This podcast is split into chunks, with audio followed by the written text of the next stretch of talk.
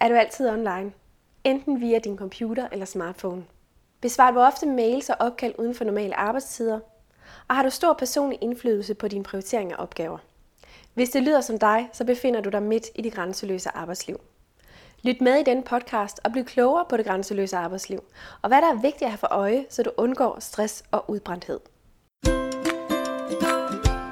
Velkommen til Grifer Podcast om alt det, der giver dig god arbejdsløst.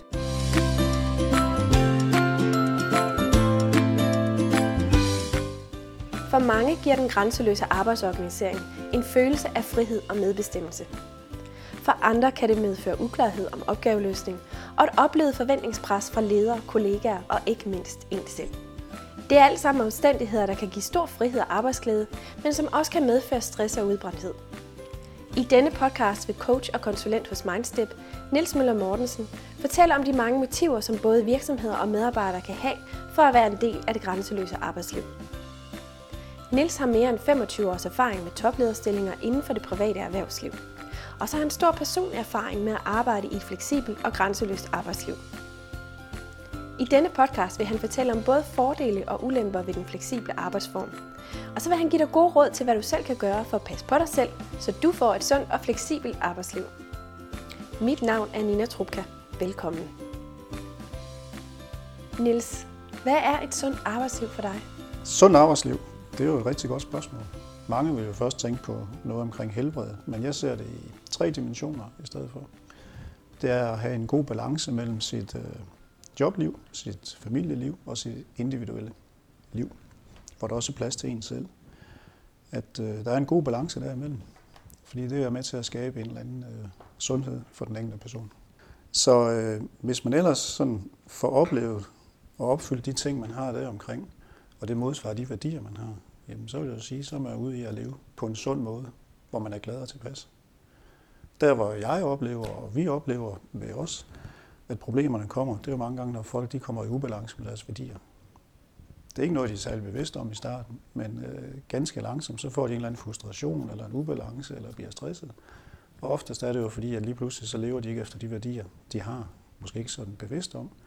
Og det er jo mange gange, at så får man ikke den fritid, man har, man får ikke den motion, eller man får ikke den søvn, eller andre ting. Så der er sådan nogle helheder, så når jeg tænker sundhed, det overordnede, og så derefter de der fem emner, at man får kigget på sin kost, og sin motion, og sin søvn, og sine relationer, og, og hele sit fritidsliv.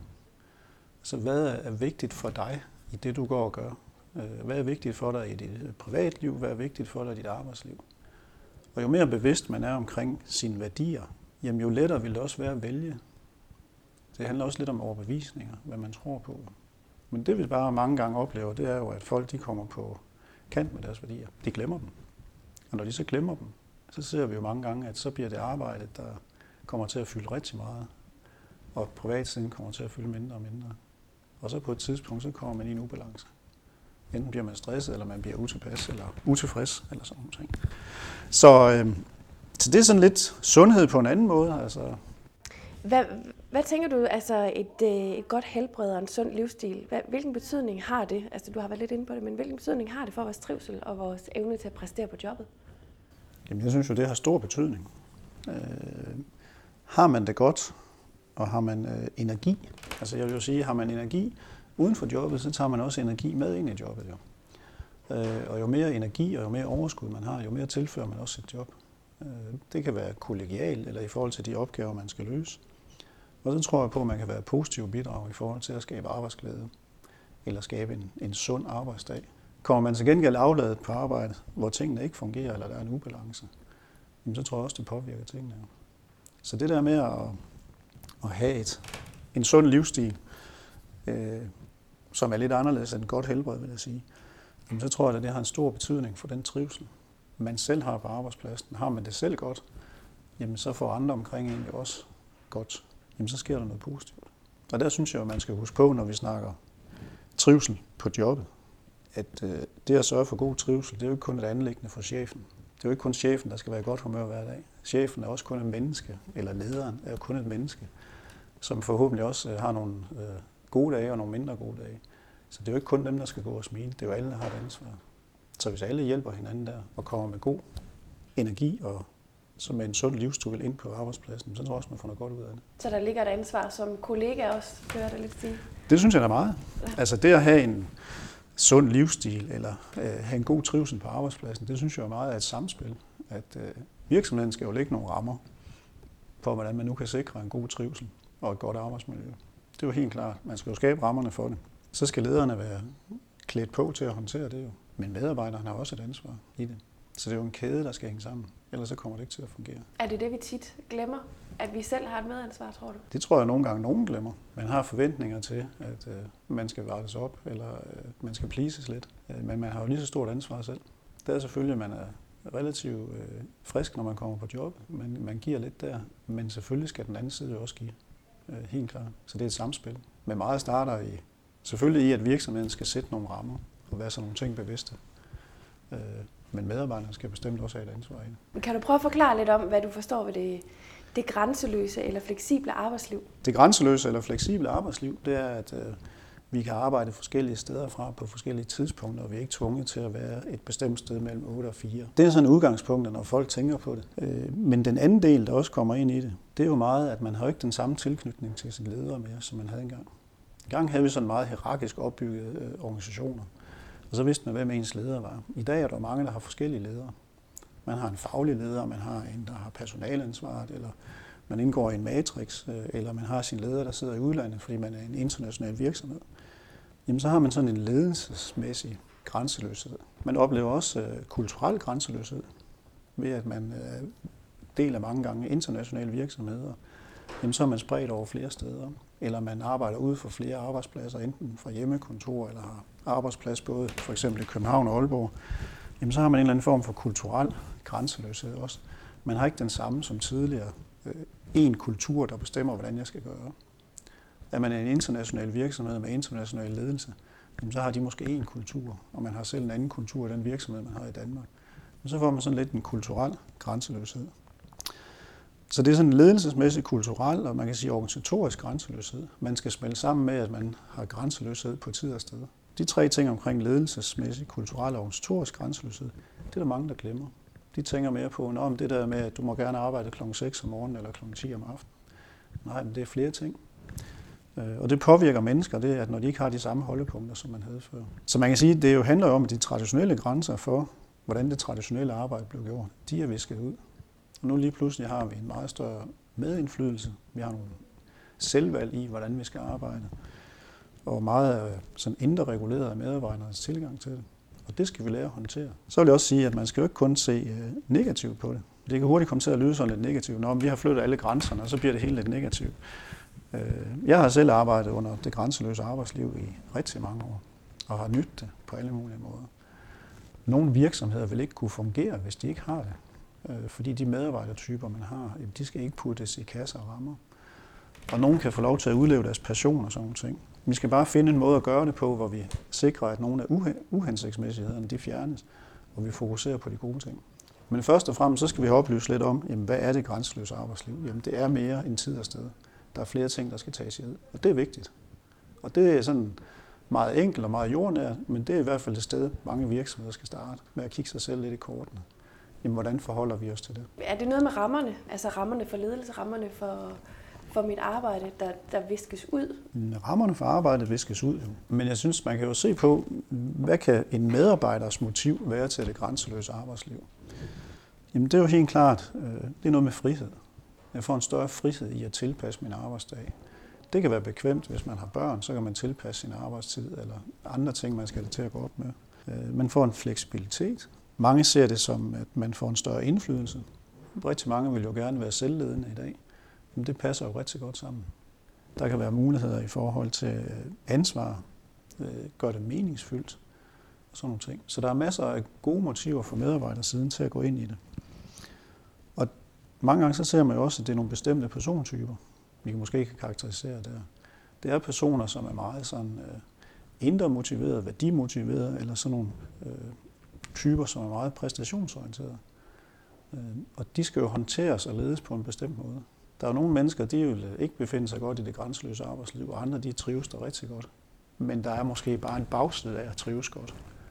Men det er jo nogle af, altså, når vi drager typer ind her, så er det jo fordi, at det er nogle af dem, der sådan er drevet på en anden måde, end, end dem, der sådan mere ser arbejde og arbejde. Jeg ved godt, hvornår jeg skal gå hjem, og jeg har mine prioriteter og mine værdier i orden, så jeg ved, at jeg skal lave noget andet. Men for nogle af dem her, der bliver det lidt sådan, at øh, arbejde bliver lidt hobbyen også. Øh, og det er der, vi får anerkendelsen. Øh, vi lander lidt i, i honningkrukken der en gang imellem, at, at arbejde og det private, det smelter lidt sammen, og at vores værdier smelter lidt sammen, og at vi får vores anerkendelse der, og det er der tingene sker, og det er der livet er øh, på nogle måder. Og, og det er der nogen, der har svært ved at adskille, og nogen er rigtig gode til at gøre det, når det er. Det er sådan på medarbejdersiden motiverne. På virksomhedssiden, jamen, hvad er motiverne der? Jamen, det er selvfølgelig at kunne tiltrække den rigtige arbejdskraft. At sige, at der er et behov derude, og vi har nogle motiver ved medarbejderne. Men det må vi imødekomme, og så er vi nødt til at tilpasse os det. Det kan også være ud fra et konkurrencemæssigt synspunkt. Vi er nødt til at have spidsbelastninger på forskellige tidspunkter. Eller vi kan måske få lidt mere ud af medarbejderne, ved at de ikke har nogen fast arbejdstid. Så det kan være et nødvendighed også. Og så omkring trivsel. At hvis man lukker nogen for meget ind i kasser, jamen så trives de ikke, når der er. Men der er sådan, jeg synes, man skal se på, at der er gode motiver på virksomhedssiden og gode motiver på medarbejdersiden. Og masser af dem er forenlige. Der er også nogle af dem, der måske clincher lidt. Hvad er faldgruppen? Altså, hvad er, den, hvad er ulempen ved det grænseløse arbejdsliv? Jamen, hvis man sådan lige skal trække op først og sige fordelene. Jamen, den, de samlede fordele, det er jo noget med fleksibilitet, synes jeg. Øh, det er jo noget med at tilgodese de behov, der er ved både de mennesker, der skal arbejde ved virksomheden, og det er. Det er at kan levere på forskellige tidspunkter. Det er at kan slippe den der passion løs ved nogle mennesker, når det er så de virkelig får lov til at gøre det, de brænder for, sådan nogle ting. Øh, så der er masser af gode fordele ved det. Så kan man sige, at der er også øh, nogle ting, man skal være opmærksom på. Og, og der vil jeg tage lidt som en indskudt bemærkning og sige, det jeg har kunne finde indtil nu, så er der ikke nogen studier, der sammenligner stress og det grænseløse arbejdsliv. Ikke som sådan, så vi er nødt til at sådan lave nogle antagelser om, at det dog har en påvirkning af det. Og der er det selvfølgelig tankevækkende, at vi hver dag har ca. 35.000 mennesker, der er sygemeldt med stress. Vi har ca. 1 million fraværsdage om året med stress. Der er mange, der siger, at de har ofte deres arbejde i tankerne. Ikke nødvendigvis, at de er mange timer på arbejde, men der er i nogle studier op til 57 procent, der mener, at de har meget ofte deres arbejde i tankerne. Og det vil sige, at det kan godt være, at de ikke er på arbejde, hverken som det fleksible eller fysiske sted, men de tænker arbejde. Der er 45 procent øh, i nogle studier også, øh, der siger, at øh, de arbejder over på grund af kulturen i virksomheden. Og det er selvfølgelig tankevækkende, at, at der er nogen, der gør det, fordi man har en kultur i en virksomhed til, at så skal vi også gøre det. Og der er det jo, at man kan sige, at stress, jamen det kan komme af både for meget arbejde, det vil sige for mange timer, men det kan bestemt også komme af for mange tanker omkring det. Så jeg tror, at en af ulemperne, eller ved, at en af ulemperne ved det grænseløse arbejdsliv, det er jo ligesom, der bliver ikke lagt rammer på, og det gør, at der er nogen, der kommer til at køre ud over kanten. Og det kan man koble lidt tilbage til de her øh, hvis vi siger, persontyper, eller dem, der specielt godt kan lide det. At de har nogle gange svært ved at finde bremsen. De kan godt finde speederen i bilen til virkelig at trykke på, og det her det er, det er genialt, at vi kan få lov til at arbejde med noget, der næsten minder om vores hobby indimellem. Og så glemmer de lidt at slippe øh, speederen og trykke lidt på bremsen. Og så kommer det til at fylde for meget. Og så kommer konflikterne måske specielt, når man kommer i den alder, hvor man bliver en øh, børnefamilie. At det kan gå, så længe man måske er sig selv, eller man ikke har børn. Men når man så lige pludselig skal have en kabale til at gå op, så bliver problemet nogle gange større. Så en ulempe er i hvert fald, at vi ser nogen, der kører ud over kanten, og dermed bliver ramt af stress eller ubalance, øh, og ikke trives med det. Og det er selvfølgelig uheldigt. Specielt hvis de kører helt ned, fordi det tager lang tid at få folk tilbage. Nogle af problemerne omkring det grænseløse arbejdsliv også jo, det er, at folk de har utrolig svært ved indimellem at finde ud af, hvornår mit job er færdigt, hvornår er det afsluttet. Fordi der kommer hele tiden nye opgaver til. Øh, enten kan jeg selv tillægge det noget, eller der flyder som regel altid nye opgaver til. Så det er det, man ser indimellem, at det er, at folk har svært ved at finde ud af, hvornår er slut, hvornår jeg, hvornår er færdig med en opgave. Og hvis der, man ikke får lukket sine ting ned, og ligesom afslutte, og alting bliver ved med at stå åben, jamen så belaster det også folk. Vi har brug for at få tingene lukket ned, for ellers bliver vi ved med at tænke på for mange ting. Øh, noget andet, der er et problem, det er, at folk har svært ved at finde ud af, hvornår har jeg fri? Fordi jeg kan jo arbejde hele tiden, så når har jeg faktisk fri? Hvad er det, der forventes af mig? Forventes det, at jeg tjekker mine mails tidligere om morgenen og sent om aftenen, eller forventes det også lige tjekker det i weekenden? Så det er også et problem. Så er der en helt anden ting, det er jo, at hvornår er ting godt nok? Øh, hvornår er en opgave løst på et tilfredsstillende niveau? Der er der nogle ting, der kan indikere, at nogle af dem, der giver den ekstra skalle ind imellem, det er fordi, at de skal helst levere mere, end det, der måske var tilfredsstillende. Fordi de selv har en, en, en bare, der ligger højere, end det, der måske forventes. Man har et præstationsgen, eller nogen har et perfektionsgen, og tænker, at jeg skal lige levere lidt mere.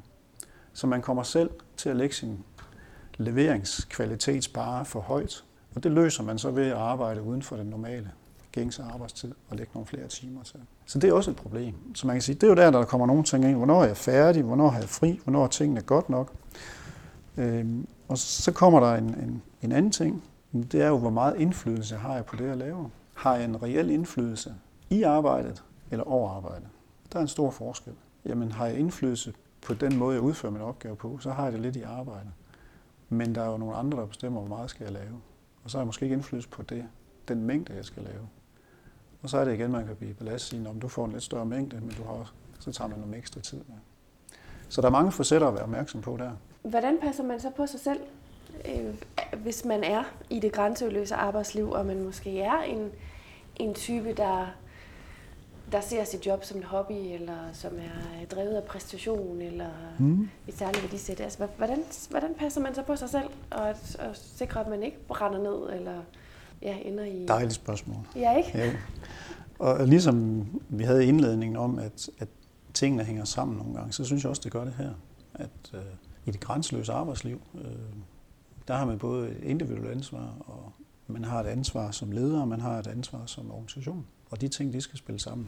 Hvis vi tager det på et øh, organisationsmæssigt niveau, eller et virksomhedsmæssigt niveau, så tror jeg jo meget på, at øh, man kan ikke lave regler for det her. Øh, men du kan ikke lave firkantede regler og sige, at øh, man må ikke sende mails efter de tidspunkter, og man må ikke åbne computeren. På. Altså, det tror jeg ikke på. Rigide regler flytter ikke så meget, fordi mange af de mennesker, der godt kan lide det her arbejde, de skal have deres værdier og deres overbevisninger med, og de skal forstå værdien af det. Så jeg tror på, på virksomhedsniveau, der er man nødt til at forholde sig til, sådan at have en holdning til at have nogle normer for, hvordan skal det her fungere. Har vi det grænseløse arbejdsliv, og hvordan forholder vi os til det som virksomhed? Og det skal være funderet på det niveau, så man ligesom har det som et anker. Det skal ikke være noget, man den enkelte leder finder ud af, eller den enkelte medarbejder selv skal finde ud af. Så som overordnet paraply skal vi have det på et organisationsniveau. Øh, og så skal man uddanne sine ledere til, hvordan man håndterer det.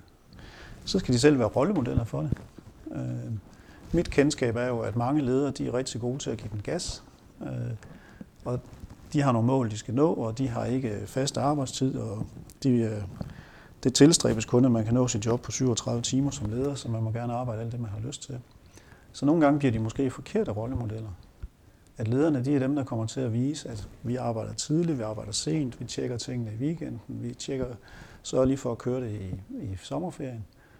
Og hvis man så ikke har en, en afstemning som organisation, jamen så bliver de jo på en eller anden måde rollemodeller for, når er det det, vi skal gøre? Er det det, der forventes? Forventer min leder, at øh, hvis han sender noget om aftenen, så skal jeg svare på det om morgenen, eller jeg skal svare på det i weekenden, og sådan nogle ting.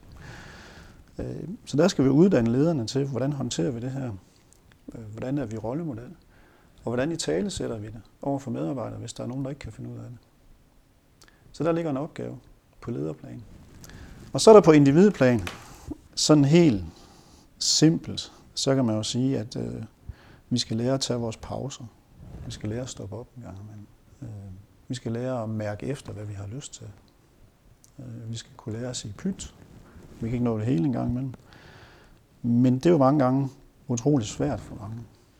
At øh, forventningerne i dag meget i, i erhvervslivet er jo, at vi skal kunne præstere hele tiden, hele året rundt.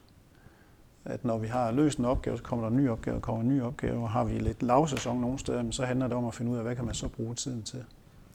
I stedet for måske at tænke, at det er fint nok, folk de lige kommer ned. Det kan være, at de har en kortere øh, arbejdstid i, en eller anden periode, men så skal de også give en ekstra skalle på et tidspunkt. Øh, og der synes jeg, at vi kan lære meget af sportens verden.